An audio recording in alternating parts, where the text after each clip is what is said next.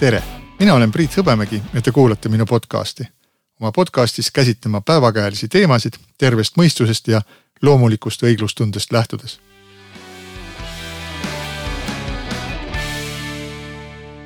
täna räägin ma Eestisse saabunud Ukraina sõjapõgenike ette kerkinud uuest probleemist.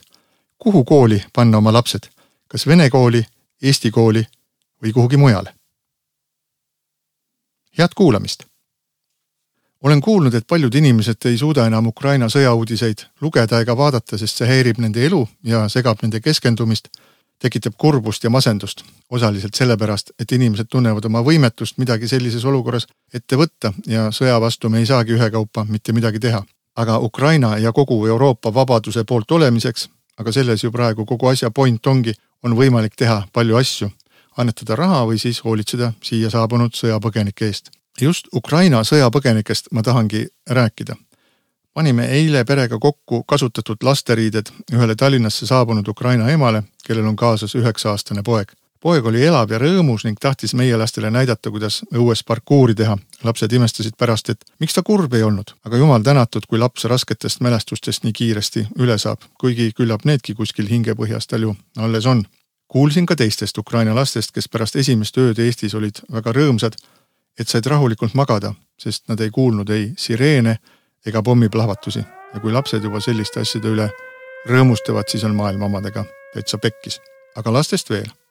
Eestisse on tõenäoliselt nüüd oodata tuhandeid Ukraina lapsi.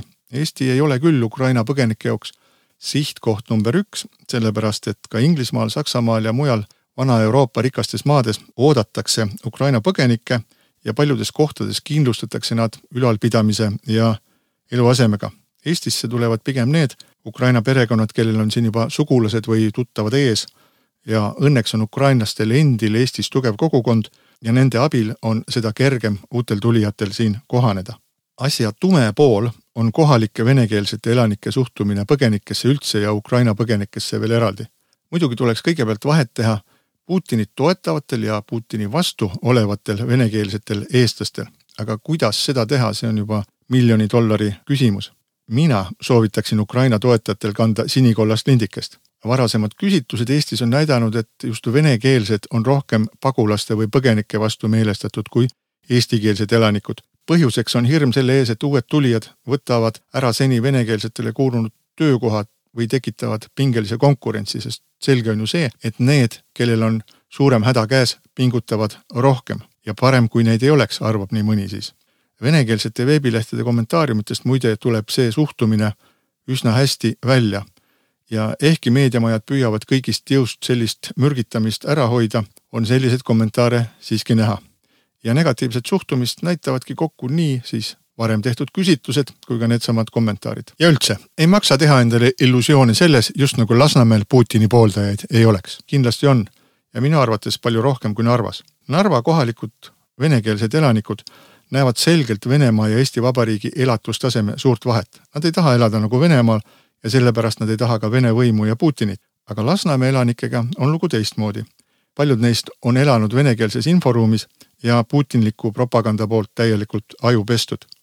kuid võrreldes Kirde-Eesti venekeelsetega on nende elatustase palju parem ja niimoodi nad võtavad läänelikku elatustaset ja keskkonda normina ega saa üldse aru sellest, et just Putini Venemaa viiks nad tagasi vaesusesse ja sunnismaisusesse, just sinna, mida me näeme sündivat teisel pool piiri iga päev.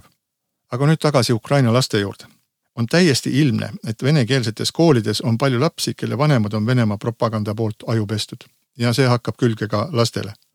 meil ei ole vaja seda üksteisele üle korrata me ju loeme aeg-ajalt ajakirjandusest mõnest koolidirektorist, kes teeb oma koolis grupipilte nõukogude sümboolika taustal või mõnest vene, vene kooli juhist, kes juba mitukümmend aastat ei suuda eesti keelt ära õppida tema ametikohale vastaval tasemel. järelikult pole püüdnud, järelikult saab ilma ka hakkama. kuid kes sellest hoolimata oma koha peal edasi töötavad kujutage nüüd ette, et Ukrainast sõjajalust pääsenud lapsed pannakse venekeelsesse kooli, kus mõned nende klassikaaslased neid nende päritolu pärast solvama ja ahistama hakkavad ja nad satuvad koolikiusamise ohvriks.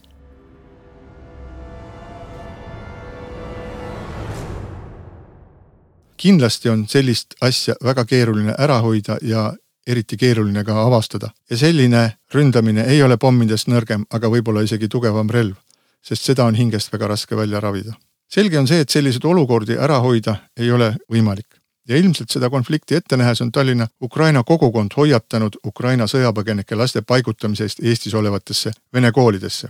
ja mis omakorda seab vene koolide kaitsja, suure kaitsja Tallinna linnapea Mihhail Kõlvarti keerulisse olukorda ja täiesti paras talle ta püüab mitte sattuda vastuollu üha kasvava Ukraina kogukonnaga, kellel on eestikeelsete ja Eesti riigi tugev toetus ja samal ajal mitte tekitada probleeme venekeelsete ukrainlaste vahel, mis talle endale tuliseid süsi pea kohale koguks. kooliaasta lõpuni on jäänud vaid kolm kuud.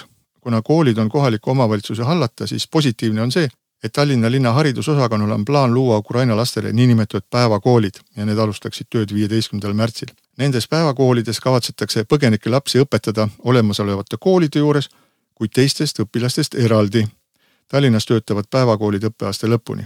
lapsi ei hakata suunama kohe koos teistega õppima, mis tundub mulle täiesti mõistlik lahendus nii ideoloogilisest kui ka organisatoorsest küljest vaadatuna. neljandaks märtsiks oli Tallinnas juba sada kakskümmend kooliealist Ukraina põgenikku ja küllap neid tuleb juurde. Kuhu keegi neist täpselt õppima satub, seda otsustab siis haridusamet. see paistab olevat hea plaan ja vaatame, mis sellest siis välja tuleb.